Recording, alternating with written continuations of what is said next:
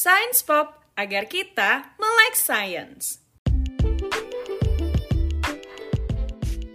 Jadi tadi tuh kepikiran bahayanya kalau misalnya kita kurang asupan air pas sahur ataupun buka, tapi olahraganya lumayan tinggi gitu intensitasnya. Mm-hmm. Nah, gimana kalau misalnya orang-orang yang kayak lupa nih dia, tapi enggak sih, kayaknya 90 menit sebelum buka pasti kerasa kan ya apakah dia dehidrasi atau enggak. Atau misalnya uh, kita kayak sama teman-teman ya udah mau ikut-ikut aja mau olah. Tapi sebenarnya kitanya sendiri udah ngerasa kayak aus-aus kayak gitu karena kan udah mau dekat buka tuh itu bahaya nggak sih sebenarnya? Kalau misalkan apa dari dalam sudut pandang olahraga ya gitu, kalau misalkan ya itu jadi kalau misalkan guideline-nya itu ketika misalkan olahraga di Ramadan ya harus ada kayak apa sejenis self talk gitu. Jadi kita nanya misalkan kita tuh lagi haus nggak sih gitu. Kita tuh lagi apa? Lagi katakanlah lapar level parah nggak sih kayak gitu seperti itu.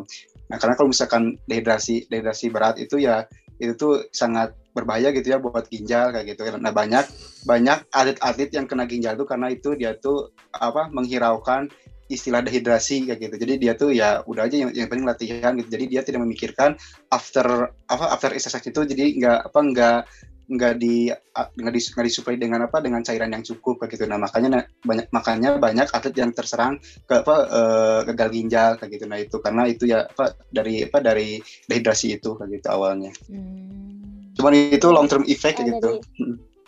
oke okay. mm, betul betul jadi kalau orang dehidrasi itu kan otomatis jumlah cairan dalam tubuh juga berkurang. Jumlah darah juga berkurang. Aliran darah yang menuju ke ginjal juga otomatis berkurang karena volumenya berkurang kan. Nah itu nanti akan membebani ginjal. Terus um, karena ginjal itu kan butuh asupan energi nutrisi dari darah yang ke sana. Sementara kalau darah yang ke sana sedikit ya otomatis um, dia akan kelelahan karena darah itu kan yang membawa nutrisi dan oksigen ke ginjal. Terus selain itu kalau dehidrasi otomatis kencing kita kan jadi lebih pekat ya. Itu ibaratnya kayak minuman yang udah pekat banget kita tambahin gula. Kan jadi ada endapan. Nah sama aja kayak kencing kita. Jadi kalau kencing kita udah terlalu pekat nanti dia berisiko untuk terjadinya batu saluran kemih. Batunya ini nanti bisa nyangkut di mana-mana. Tergantung tergantung besar kecilnya juga dan tergantung jenis batunya juga. Ada yang nanti dia mengkristalnya membatunya itu kalau udah nyampe di ujung atau pas masih di pangkal dia udah membatu juga tergantung besar kecilnya. Kalau dia batunya nyumbatnya di tempat keluarnya urin pas dari ginjal ke saluran berikutnya itu nanti bisa merusak ginjal secara langsung. Nah, nanti kalau misal dia batunya ada di yang lebih ujung itu masih bisa lah kita kasih obat untuk melonggarkan salurannya jadi biar dia bisa keluar bersama kencing kayak gitu. Kalau di kandung kemih nah itu di kandung kemih nanti bisa bikin berdarah sebenarnya bisa bikin berdarah juga di tempat lain kayak gitu. Inti nah kalau batu ini kalau udah menyumbat nanti bisa bikin gagal ginjal. Gagal ginjalnya itu bisa yang akut atau langsung jelek saat itu juga. Nah kalau gagal ginjal akut kayak gini bis ada yang bisa dikembalikan ada yang nggak bisa. Tergantung tergantung derajatnya. Ada yang bahkan butuh cuci darah juga bisa. Walaupun kayak gitu ya itu memang butuh proses sih untuk terbentuknya batu kayak gitu. Tapi memang bisa terjadi secara tiba-tiba yang namanya batu itu nggak yang sampai berbulan-bulan. Jadi kalau misal kita nih sama puasa dehidrasi bisa jadi tuh nanti malah selesai puasa kena batu ginjal. Terus atau kalau dehidrasinya kalau untuk yang bikin gagal ginjal yang kayak orang-orang tua gitu sih biasanya butuh waktu yang lama jadi kayak misal dehidrasi yang masih masih tahap-tahap sedang tapi berlangsung dalam jangka waktu yang lama apalagi ditambah sama minuman-minuman yang uh, tidak ramah ginjal itu nanti biasanya ya butuh waktu berbulan-bulan biasanya tiga bulan sih. Tapi ya tetap aja harus waspada. Yang akut itu tadi yang cukup bahaya juga. Tapi yang lama juga sebenarnya bahaya sih karena uh, diam-diam nanti tiba-tiba jelek deh.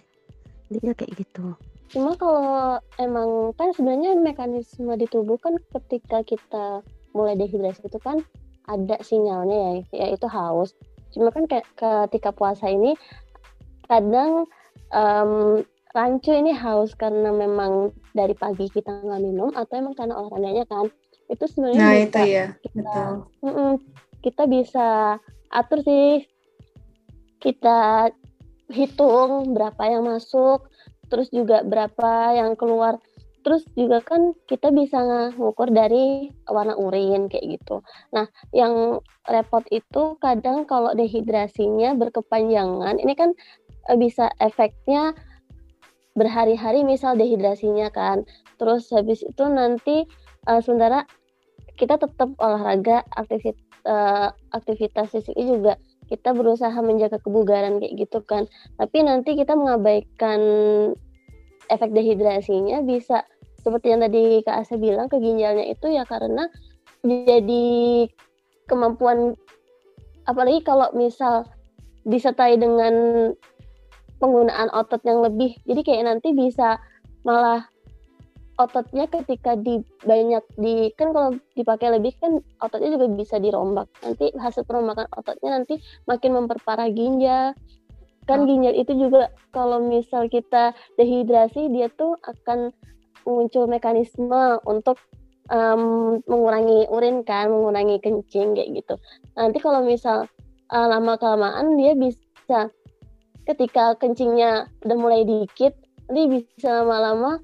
Um, tapi itu jangka lam, jangka panjang banget sih, nggak yang dalam sebulan terus tiba-tiba nanti langsung gagal ginjal tuh uh, jarang sih yang kayak gitu. Cuma ya tetap aja ada efeknya ya asal karena yang penting itu ya, uh, apa keseimbangan cairannya lebih berat kerja ya kalau dehidrasi karena kan maksudnya airnya lebih iya, banyak diserap iya. tubuh jadinya dia lebih pekat kan konsentrasi yang masuk ke ginjal untuk diproses iya. itu betul hmm. bisa kencing darah nanti Iya bisa oh ya itu tapi untuk para yang mungkin apalagi kalau udah justru itu ya mungkin salah satunya kenapa dianjurkan untuk apa ber, uh, lebih apa olahraganya dekat-dekat ke puasa jadi pas kita haus karena kecapean karena ini udah deket waktu buka kayak gitu nah itu logisnya ya, seperti ya. itu ah. bisa langsung bisa langsung di minum iya iya langsung di uh, uh, uh, uh. Iya kayak gitu ya. Berarti kalau kalau, kalau olahraganya awal-awal pagi-pagi nanti, nanti pingsan dulu. nanti ada di IGD. Dan apalagi kan kan dehidrasi juga gejalanya nggak cuma itu kan nggak cuma haus bisa juga nanti detak jantung kita meningkat secara signifikan terus juga kita mulai pusing terus itu bisa banget itu jadi indikator. Jadi ketika udah mulai ngerasa kayak gitu ya udah berarti saat itu udahlah harus but, harus langsung minum kayak gitu. Hmm. itu kalau gejala dehidrasi bisa sampai pingsan juga nggak ya? Bisa bisa banget. Bisa hmm. apalagi udah level heat stroke nah itu udah parah itu kayak gitu. Oh iya iya. Berarti itu tadi penting banget berarti stroke ya, yang kayak gimana? Misalkan kita apa kayak kepanasan hebat gitu lagi olahraga kepanasan hebat itu udah udah dehidrasi terus kepanasan nah itu bisa langsung pingsan gitu. Terus bisa hmm. sampai kejang-kejang kayak gitu. Oh. jadi kayak badan tuh udah kerasa benar-benar panas gitu ya? Iya udah panas banget. Jadi udah ma udah apa udah sama olahraga, olahraga juga udah panasin buat panas tubuh juga itu memproduksi panas tubuh ditambah lagi panas dari eksternal dari apa sinar matahari kayak gitu nah itu oh iya iya iya Kok jadi melebar ya?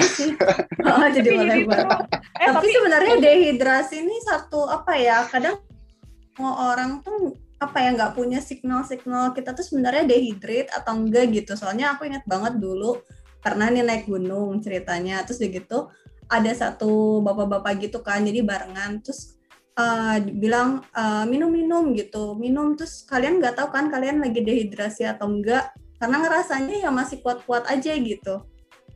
Nah itu sih emang kita nggak punya apa ya signal-signal kalau nggak tahu gitu info tentang kita tuh lagi dehydrate atau enggak gitu. Makanya tadi aku tanyain apalagi kalau misalnya kita lagi puasa malah lebih rancu lagi kan tadi Iya, yeah, gitu. makanya kalau misalkan apa untuk level olahraga kebugaran itu dianjurkan setelah 20 menit olahraga itu langsung minum begitu. Jadi jangan jangan sampai bisa nunggu nunggu apa nunggu lama gitu. Cuman kebiasaan dari kita kan apa udah baru beres olahraga kita langsung pergi beli bubur kayak gitu jadi nggak apa nggak nggak langsung mengganti cairannya dulu kayak gitu nah itu yang banyak misal lah itu seperti itu nah kecuali misalkan kayak level atlet kan beda lagi gitu bisa di, bisa di angka 45 menit itu bisa apa bisa bisa nahan untuk, untuk dehidrasi gitu karena emang emang udah dipersiapkan untuk apa cairannya untuk untuk bekerja selama 45 menit seperti sepak bola kayak gitu. Hmm. Hmm. Berarti emang ini ya penting juga kita memanage asupan minuman selama maksudnya selama waktu kita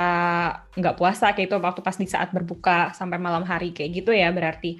Maksudnya kalau misalkan asupan minum kita cukup berarti kan kemungkinan untuk dehidrasi juga kecil kan meskipun kita tetap uh, olahraga kayak gitu.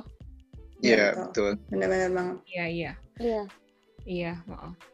Iya sih, uh, ya nanti diatur aja kan biasa. Iya, tapi emang iya sih, maksudnya uh, hal ini tuh banyak, terutama minum ya. Kalau makan orang kayaknya buka makan ya pasti makan yang dicari karena lapar kan kayak gitu tapi minum ya biasanya orang minum cuman pas buka aja kayak gitu enggak enggak mencukupi kebutuhan air minum untuk selama satu hari kemarin kan dibahas sama Vita yang penting itu kecukupan minum untuk 24 jam kan hitungannya kayak gitu ya untuk satu iya, hari betul. gitu. jadi sobat sains bisa bagi bagi bagi bagi waktu minumnya misal uh, setelah apa uh, pas buka setelah makan sebelum makan malam kayak gitu terus eh sebelum sebelum makan beratnya terus setelah makan berat nanti sebelum sholat tarawih iya. setelah sholat tarawih kayak gitu. Itu diatur atur kayak gitu. Jadi sedikit sedikit tapi yang penting cukup kayak gitu ya. Jadi nggak perlu langsung sekaligus ya nah, uh, jadi nggak perlu langsung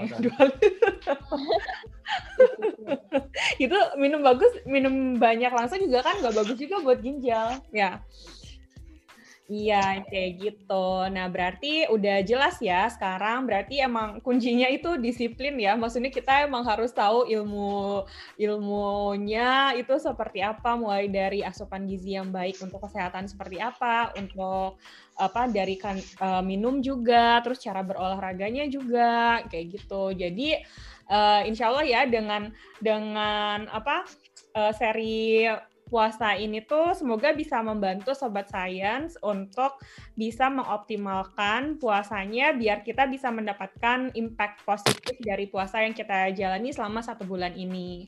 Oke deh, uh, kita tutup aja ya.